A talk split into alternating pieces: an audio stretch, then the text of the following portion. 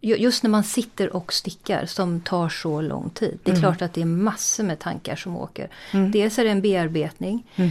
Eh, det är dessutom, som jag tycker så mycket om, det är att eh, det blir ju en fördjupning.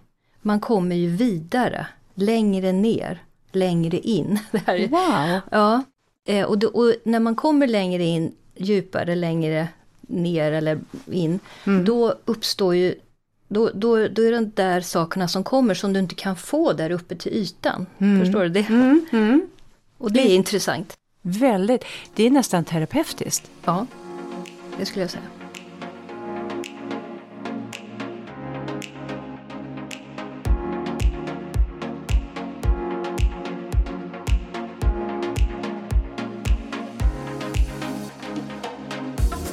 Välkommen till Inte bara kläder, en podd om klädstil och identitet, där kända eller okända gäster får svara på varför de klär sig som de gör.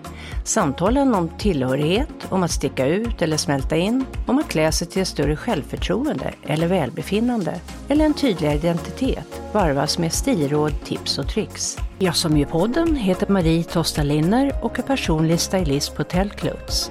Se gästen i olika outfits på att inte bara klader på Instagram och Facebook.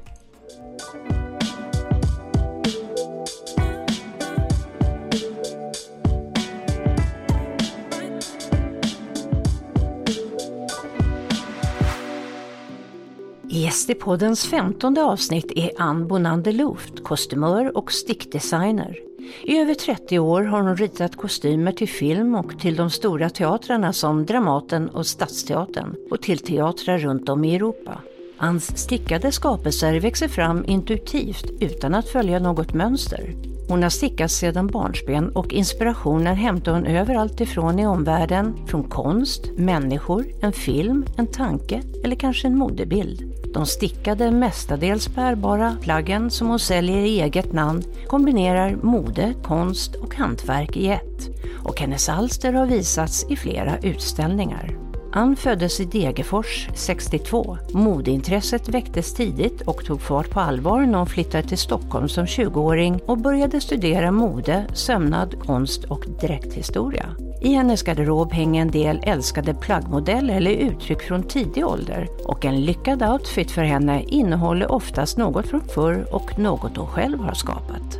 Hör Ann Bonander Luft berätta om hur en kostym på teatern växer fram och hur man tänker kring olika uttryck, färger och material. Och om det känsliga och nära samarbetet med skådespelarna. Och hur går det till när en stickning växer fram? Och vad är det egentligen som händer inom henne som stickerska under stickningens många, långa timmar?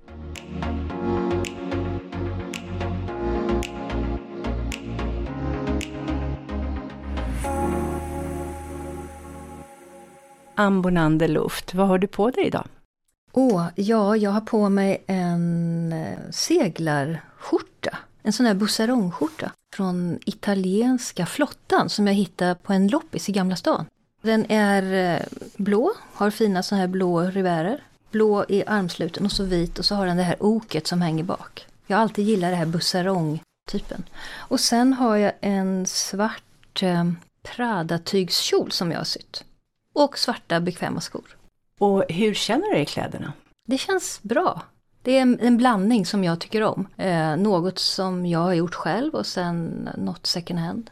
Så det, det känns bra. Vad tycker du att du uttrycker? Vad tror du andra uppfattar i dina kläder? Kanske något eget. Jag brukar ju må bäst i ju, hur ska man säga, hur konstigare, inte konstigare, men mer eget jag klär mig. Då känner jag mig mest bekväm faktiskt.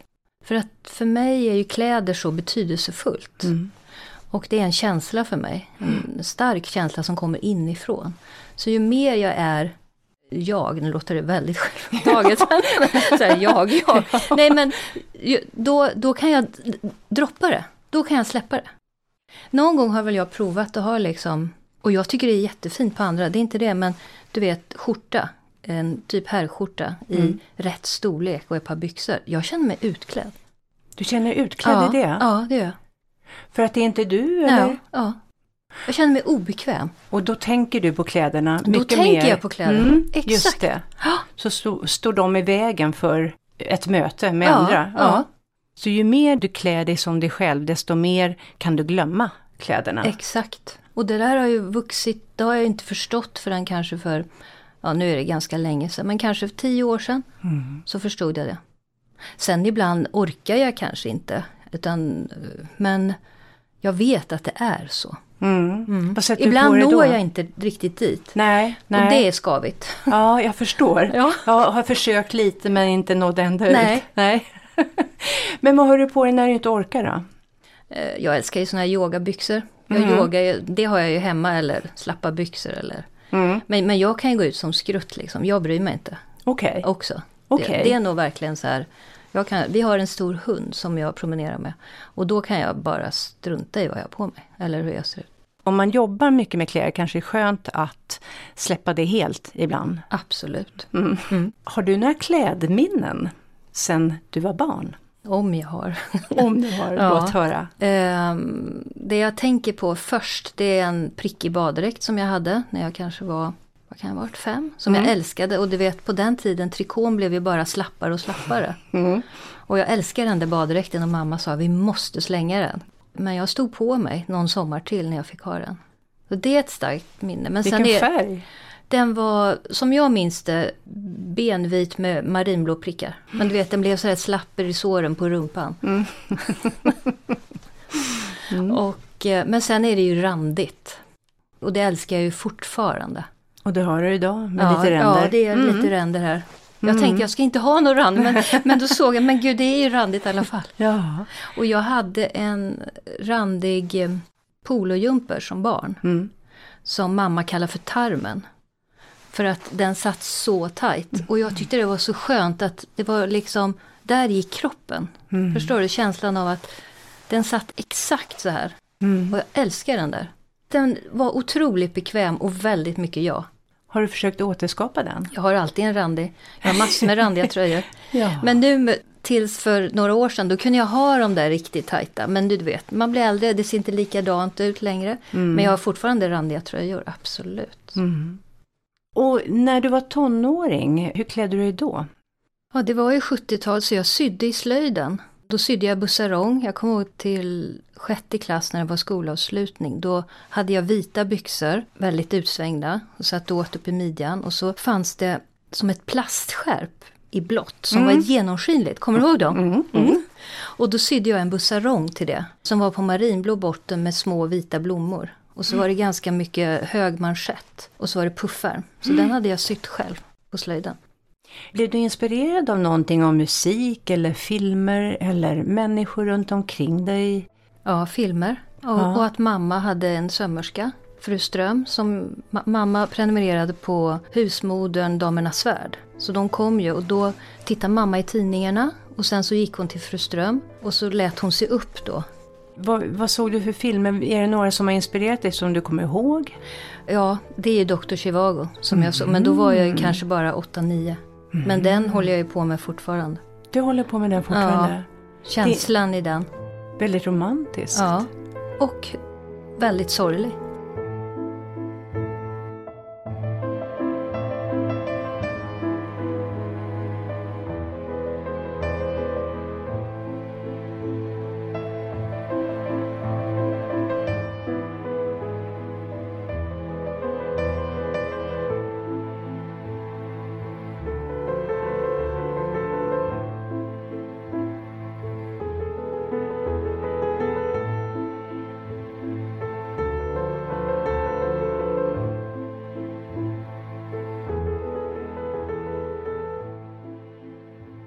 Hela den, liksom 1917 då, revolution, alltså de kläderna. Och Det- sen när det går mot 30 eller 20, de blir ju äldre där i filmen. Alltså det är så fint. Det är så fint.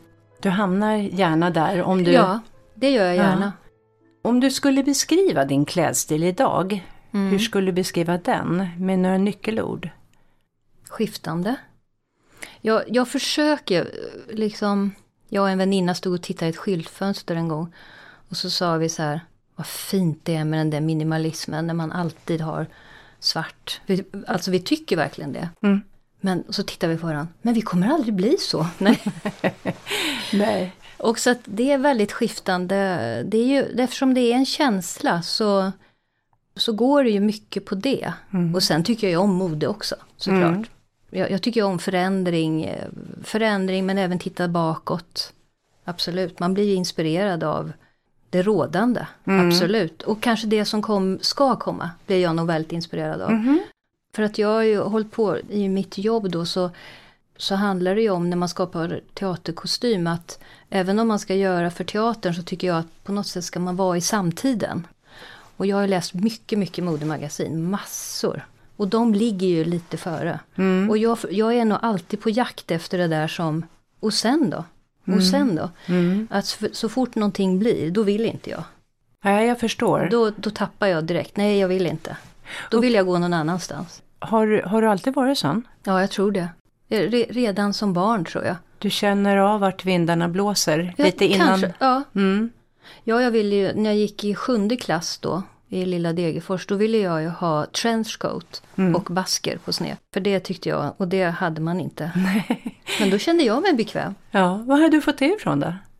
Ja, jag tror mamma var ju väldigt intresserad av teater, film och ehm, på något sätt, ja jag vet inte riktigt. Det, men vad jag känner det är att det alltid har funnits. Vad? Jo men det här väldiga intresset för kläder. Ja. Du har Ja, haft det sedan barn eller? Ja. Mm. Och det här med, alltså det här kanske inte, men det är när jag står i, i mataffären när jag är 14 och jag har jeans du vet som var, skulle vara upprullade på ett speciellt sätt på halva vaden. Och så har jag såna här kilklacks espadrillos med snörning. Och så har jag en bussarong, en vit med så här puff på ärmen. Och jag känner mig så, och så har jag margaretaflätor. Och jag känner mig så bekväm.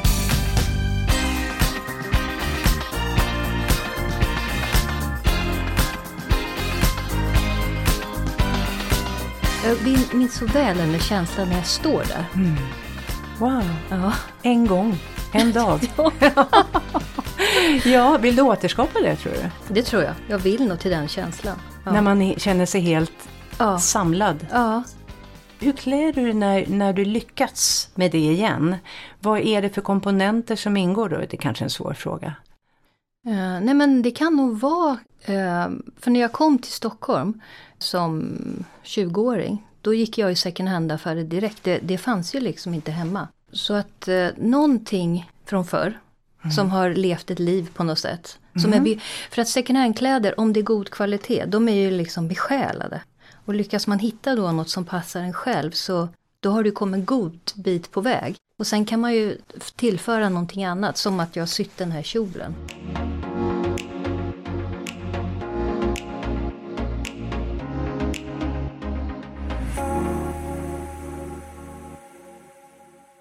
Du jobbar som kostymör. Och vad exakt innebär ditt arbete? Att eh, ta fram kostymen eh, till skådespelare. Och vad har du för arbetsuppgifter? Att göra skisser. Du menar själv praktiskt? Själva Ja, processen. Ja, processen. Först träffar man regissören och har ett möte med regissören. Och sen så pratar man om manus, hur han eller hon, regissören, vill att det ska gestaltas. Vad tanken är. Vilket håll det ska åt vilken epok, nutid eller plock. Alltså plock från förråd eller på stan eller om allt ska sys. Alltså man drar ju upp det ganska fort. Mm. Och sen efter det brukar jag göra liksom enkla skisser.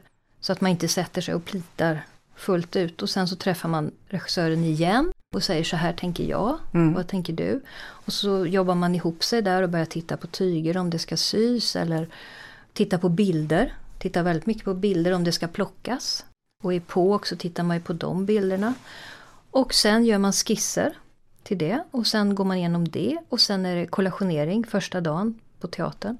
När alla samlas och eh, då har ju regissören en presentation för hur hen tycker eh, att det ska göras pjäsen och då presenterar även jag hur jag ser på det. Och scenografen och ljus och mask och allihopa och ljud. Och eh, ja, så börjar det. Mm. Mm. Läser du manus i detalj? Mm.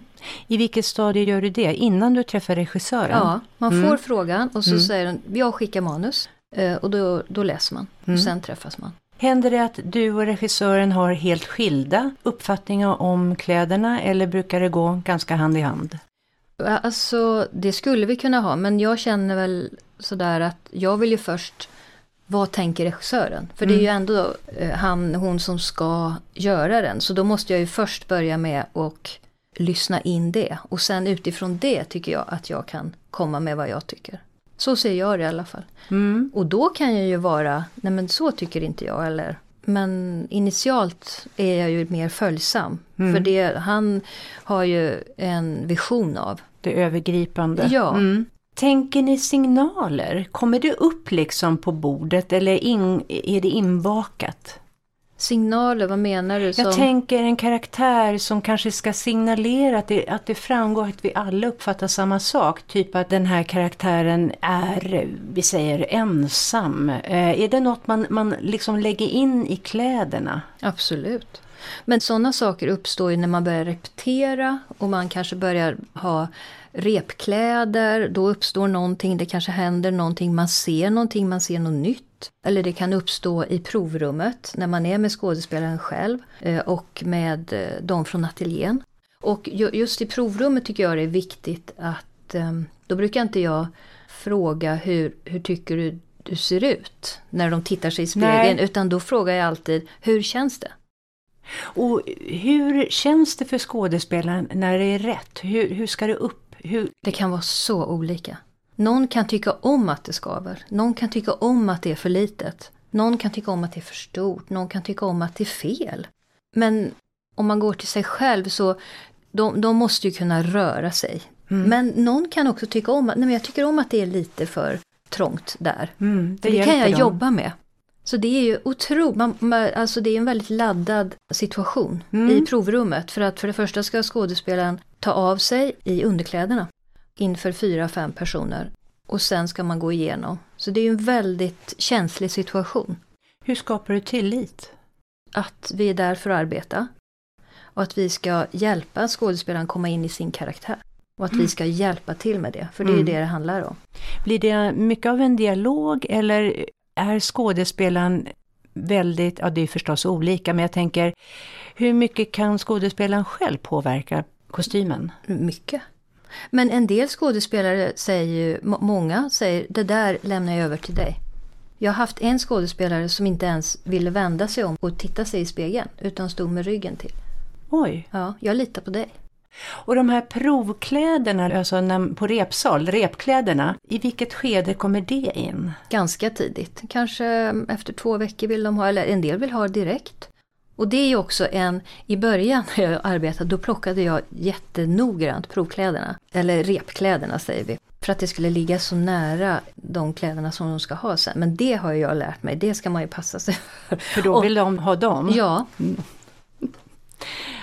just och även regissören kan bli jätteförälskad i repkläderna.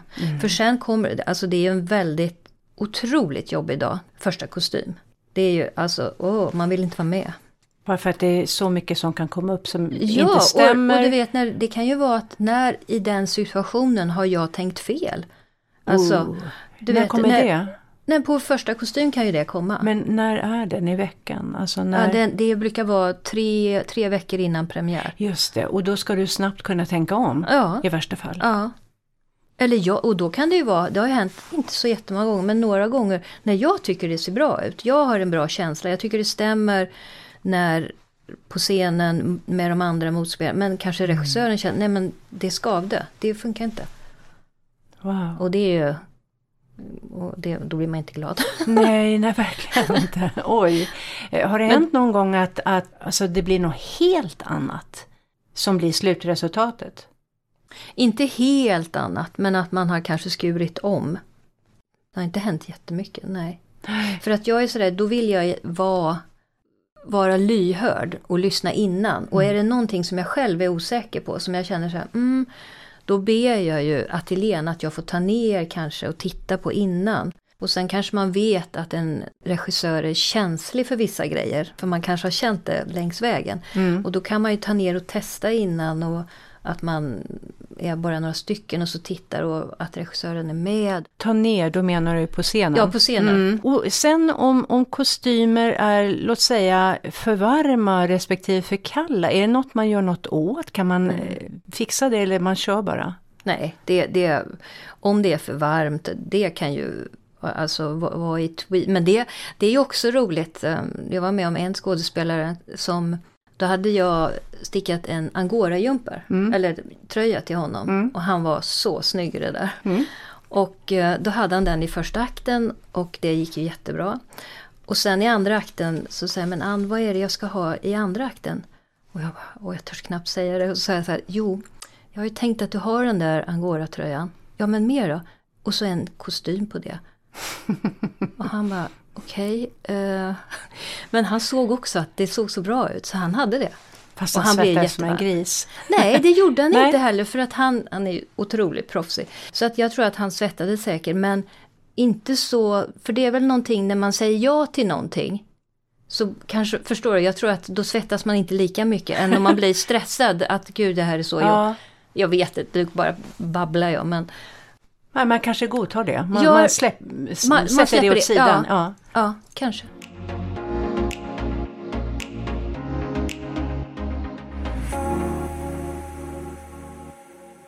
Materialen, tygmaterialen, hur mm. mycket spelar de roll? Det spelar ju roll. Syntet, nej. Då, då blir du ju väldigt svettig och så. Om det inte ska vara jag har aldrig gjort någon plastkostym eller jag har ju alltid försökt hitta liksom riktiga material att jobba med. Jag, jag tänkte mer så här, eh, om, om, alltså, vad symboliserar materialen? Är de viktiga i, i för själva karaktären? Förstår du? Att mm. Ett grovt tyg påverkar det? Alltså passar det bättre till en personlighet? Ett... Det kan det ju göra, ja. absolut. Men jag tänkte mer om det är ull eller siden eller ja. silke. Och då, jag jag är av den personliga uppfattningen att när man går på teater, även om det är, hur ska man säga, fult så måste det ändå vara snyggt. Du menar att upplevelsen ska ja. bli en vacker ja. helhet? Om man ska göra en, en tråkig kostym, mm. ta inte syntet, Nej. ta ändå ett bra material. Mm. För att det, det blir, det blir ja, ja, det är min personliga... Tråkig på rätt sätt. Ja. ja jag har ju väldigt svårt för när det blir på det sättet. Mm. Mm. Är det inte så att det blir lite inte seriöst? Oseriöst. Ja, exakt. jo, för det ställer sig i vägen. Ja, och där... man lägger ner så mycket tid mm. på och ateljén som sitter och syr som gör ett fantastiskt arbete. Det är ett hantverk på högsta nivå. Och de kanske ska spela 50 föreställningar och mm. skådespelare. Då tycker jag nej men gör det schysst liksom. Mm. Och de förs, alltså ett, ett riktigt tyg så att säga, alltså i bra material, riktiga naturmaterial, det för sig ju ja. bättre ja. än Absolut. plastaktiga. Hur mycket spelar färgerna in och hur väljer man färger och väljer man ett visst antal färger eller hur tänker man kring färger? Jag är mycket så för färg. Om jag får, sen får ju inte jag igenom det. Men, men jag blir ju själv, jag, jag tycker att min spännvidd att kreera mm. blir större ju tajtare det är. Så helst bara några stycken färger? Ja, egentligen tre. För hela ensemblen? Tre? Ja. ja. Okej. Okay. Då blir det då blir mer sammanhållet? Ja, jag tycker och jag, jag blir mest kreativ. För då handlar det om det här att du får bara den här, men därifrån måste du jobba vidare. Okej. Okay. Och då... ja, ja, men jag förstår. Ja, så funkar jag i alla fall. Mm. Så, så känner jag. Jag vill liksom begränsa färg. Och hur väljer man färg? Det är en bra fråga. Det är ju en smaksak. Men också att, har, har du någonting med sådär i att färger symboliserar olika saker? Gult blir man pigg och blått blir man lugn av mm. Eh, och så vidare. Jag tror det kommer intuitivt ja, på något sätt. Ja, för det är väl också så att, att det ska upplevas likadant av publiken. Så det mm. måste ju vara något slags arketypiskt. Att, att det är liksom kollektivt mm. hos alla på något mm. vis och vi kopplar till samma upplevelse. Mm. Jag, tror jag, jag, tror inte jag tänker så. Nej. För där kan nog jag tänka att det där vill jag nog bryta. ja, då, då, kanske jag blir lite sådär att nej. För att mm. saker och ting är ju aldrig som man tror. Nej. tänker jag. Ah, och, och, det är ja, väl teatern en väldigt bra plats att visa att ja den där karaktären tror man ska vara si och så och sen är det precis tvärtom. Just det. Och om det är motsatsen så kanske det blir ett starkare uttryck det av det som egentligen är. Ja. Om du förstår vad jag Ja. menar. Ja, just det. Mm. Än att man går med. Ja. Då blir det för mjäkigt. Ja, Just ja så att självklart en- och förväntat. Just det. Och det vill vi inte se. Vi vill... Nej, jag tycker teatern har den platsen. Mm. Att där kan vi verkligen göra de sakerna. mm, vi blir mer uppmärksammade om Ja. det är liksom lite Ja. motstånd. Ja, efter alla år så brukar jag tänka att publiken är mycket smartare än vad du tror. Mm. För att man, de sitter där i sig själva och jag tror som jag intuitivt så är människor, för du, du pratar ju inte när du sitter i en teatersalong, vilket jag tror är väldigt bra. Mm. Och är du koncentrerad och bara i dig själv så kan du få just det där intuitiva att ta det till dig Mm. och få mycket med dig. Sen kan det vara att man inte gillar det, ja det är också en sak. Mm, mm. Och om du utgår från intuition så blir det det resultatet på något vis. Eller det blir... Ja, var och en får tolka fritt Ja. också. De får Ja. göra det till sitt. Ja. Det är ju det roligaste. Mm. Att det spretar och... Ja, men det är ju så med alla konstformer egentligen att man får tolka Ja, själv. och ingen kan säga egentligen vad som är rätt och fel.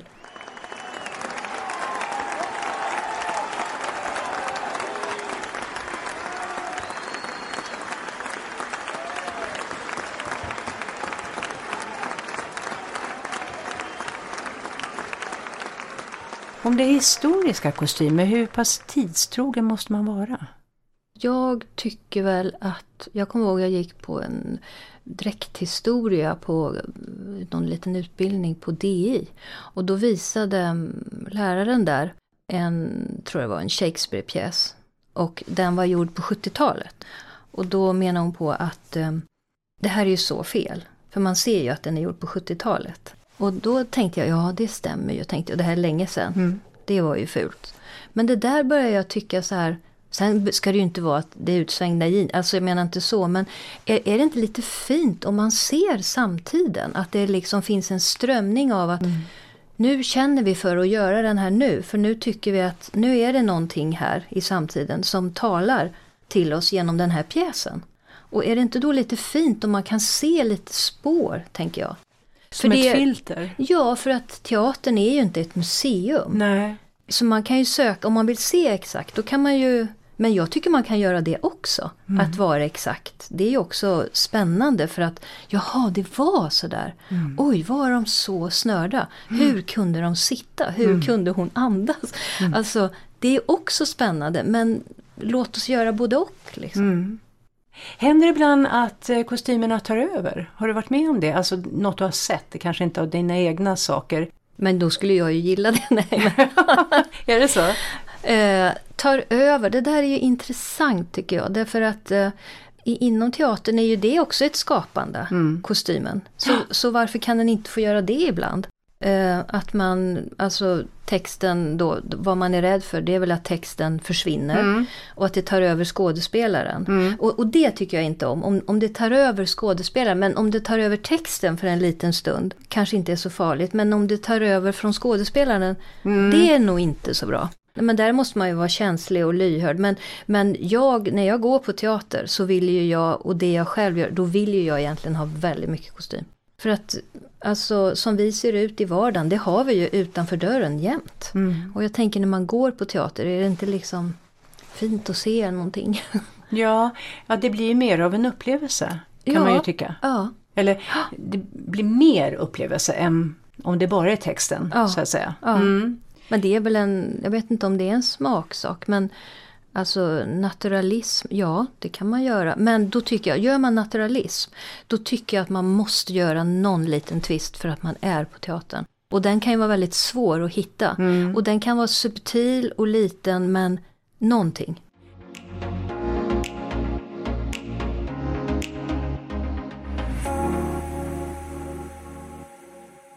Upplever du skillnad på mäns kontra kvinnors, alltså traditionellt då, om de klär sig som män och kvinnor i, liksom historien, att det är stor skillnad på när man gör en kostym utifrån detaljerna tänker jag.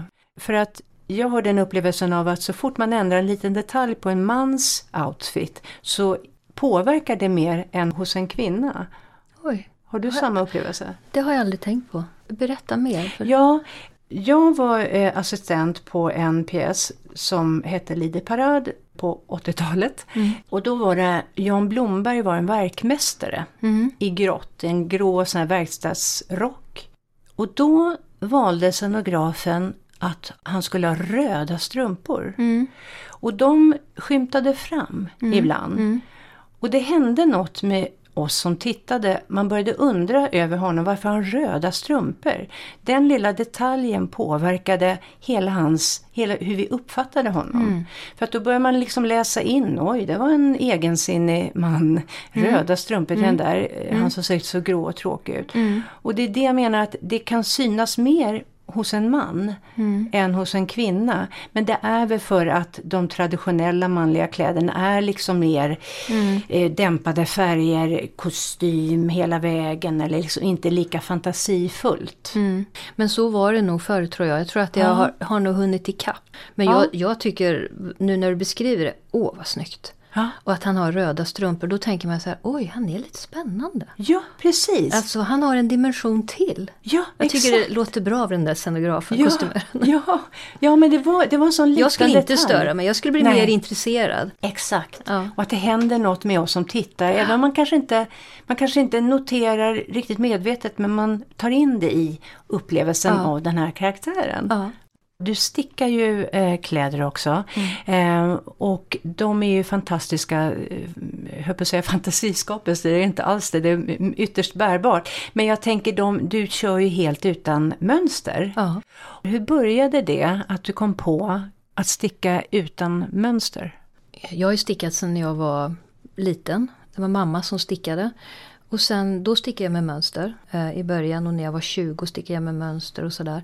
Och sen började väl när vi gjorde Gustav Vasa på Dramaten. Mm. Det var ett jubile- 100-årsjubileum. Och när var, vilket år var det då? 2007 tror jag. Ja. 1907 va? Ja, Kom, Ja. Mm. då eh, gjorde jag kostym till Gustav Vasa där. Och då gjorde, jag en, gjorde vi en jacka till Kristina, till Gustav Vasas fru. Som var väldigt speciell. Och då var vi på teatern på dagen och vi gjorde den där. Jag hade ju ritat den och så skar de och vi liksom... Och sen har jag suttit och stickat hemma. Och sen efteråt säger jag, men jag har ju gjort den. så att där var det så här, nej men oj, det är ju den jag har gjort. Precis samma. Och jag tänkte inte på det när jag gjorde det.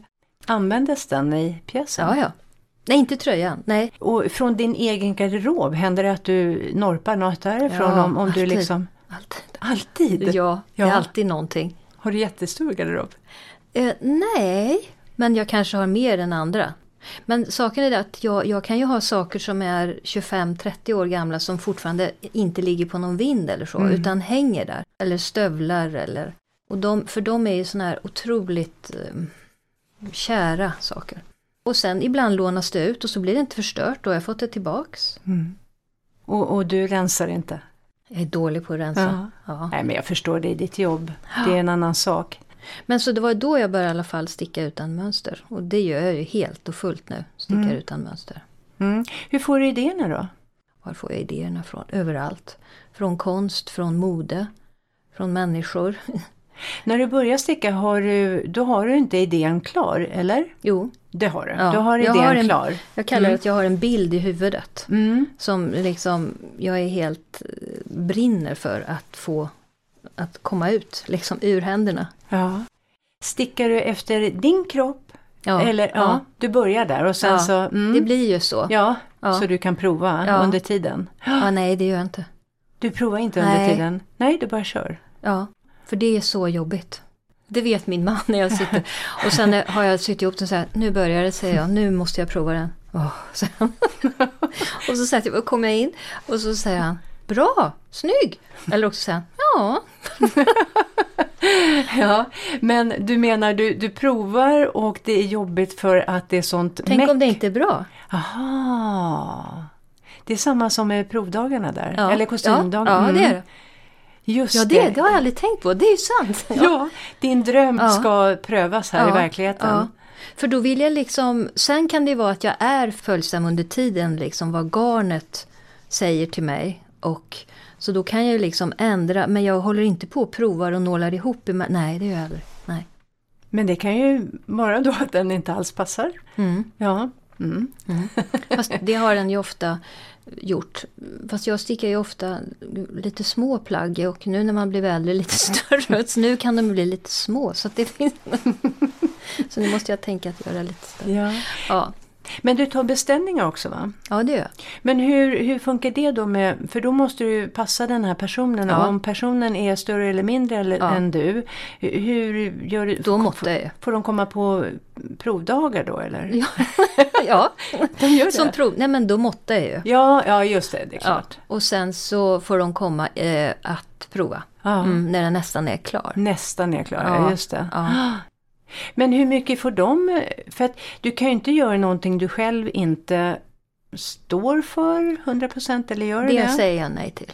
Ja, precis. Ja, jag, kommer, jag stickar inte någon annans design. Nej, Eller de kommer och säger, Nej. jag såg, kan du sticka efter Nej. den här? Nej, då säger jag, nej det gör jag tyvärr inte. nej. Utan de utgår från dina modeller Ja. du har och sen så får de sin. Men sen kan man ju plocka den ärmen, den eh, framstycket. Så Okej. kan man ju göra, för det är ju mitt. Lite så. Ja, Ja. Jag har stickat till killar en del. Den sista nu, han, han var rolig för han var inne och provade en mössa som jag gjort med ett mönster på. Mm. Då tar han den där mössan, för det var en sån här upprullad kant också i patent. Mm. Så sätter han den mot halsen och säger jag skulle vilja ha det här mönstret på en tröja och polon så här.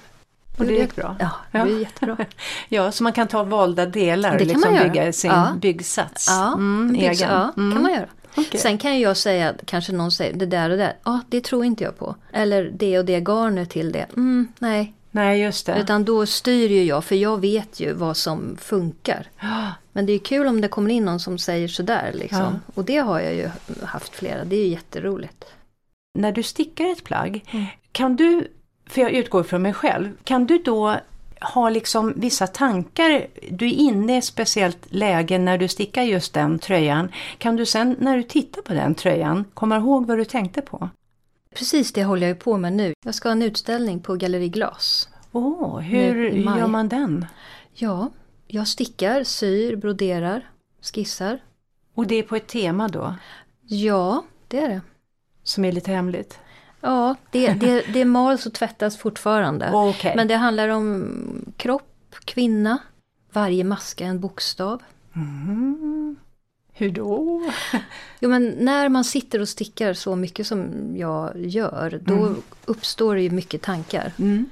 Och på något sätt kanske det är så att de här stickade plaggen som jag gör blir en liten berättelse. Jag vet inte, kanske. Och därav Man stickar in saker Ja, i. ja Mm. det kanske blir det. Ja, De blir lite besjälade. hoppas det.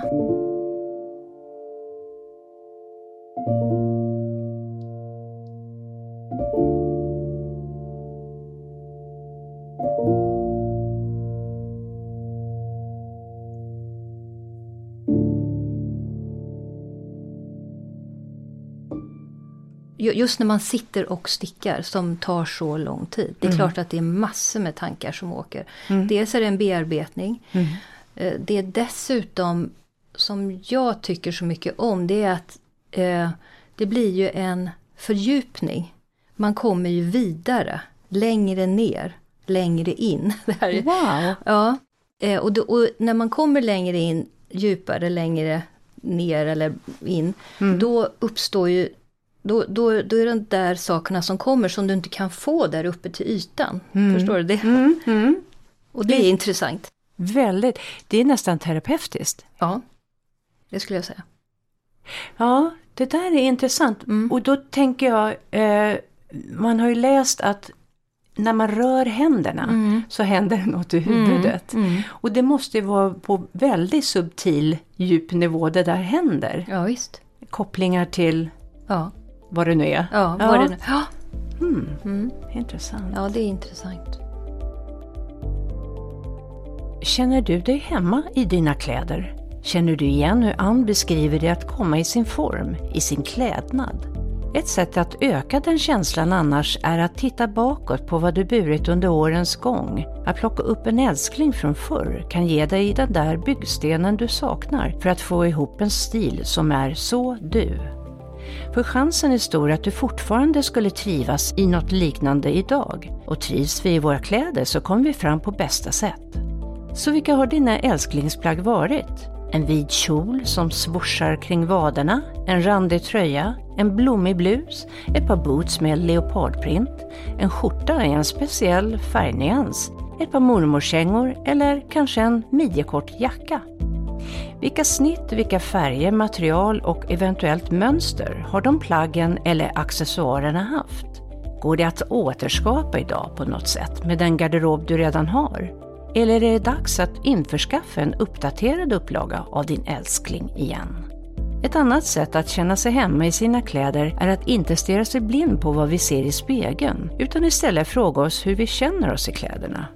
För litar vi på vår magkänsla snarare än våra ögon så kan det hända att vi plötsligt liksom får syn på oss själva i spegeln. Med ett sådant igenkännande kan vi konstatera att vi har kommit i vår form och att kläderna har kommit att fungera som en slags andra hud.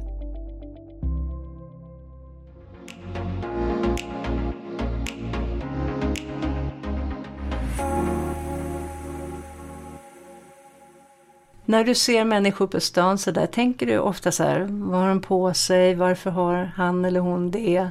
Mm. Eller det där var kul, eller? Kanske inte så, jo, jo men det kan jag göra. Inte med alla men Alltså jag blir ju påverkad, känner jag, eh, av vad folk har på sig. Av det, samtiden det... eller du menar när du träffar någon ja, och de har ja. på sig en röd jacka? Ja. Då blir du påverkad? Ja, om det är en person som jag vet inte, det, det är väl olika. Det där är ju... Uh, hur ska man säga? Min man, han är ju, om jag säger, kom, såg du att eh, hon, han hade en blå... Det tänkte jag inte på. Och jag bara, hur kan du inte? Alltså för mig är det så här, va? Ja, ja.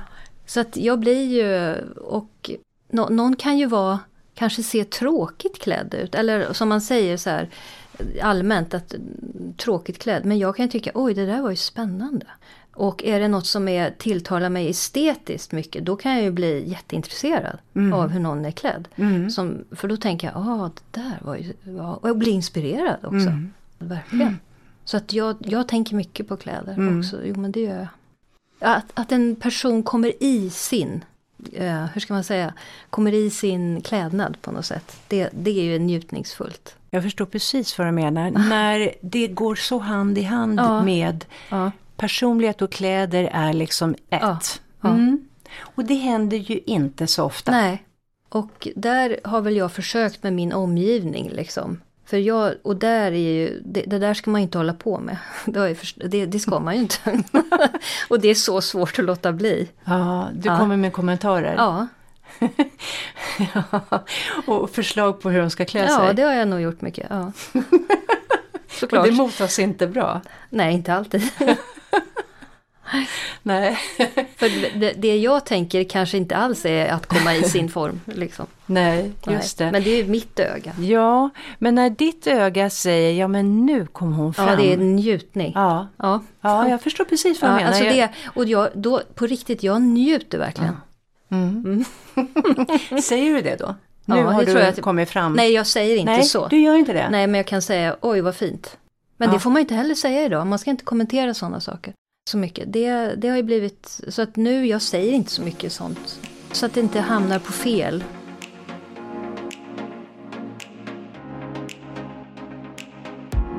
Tack för att du lyssnat på Inte bara kläder.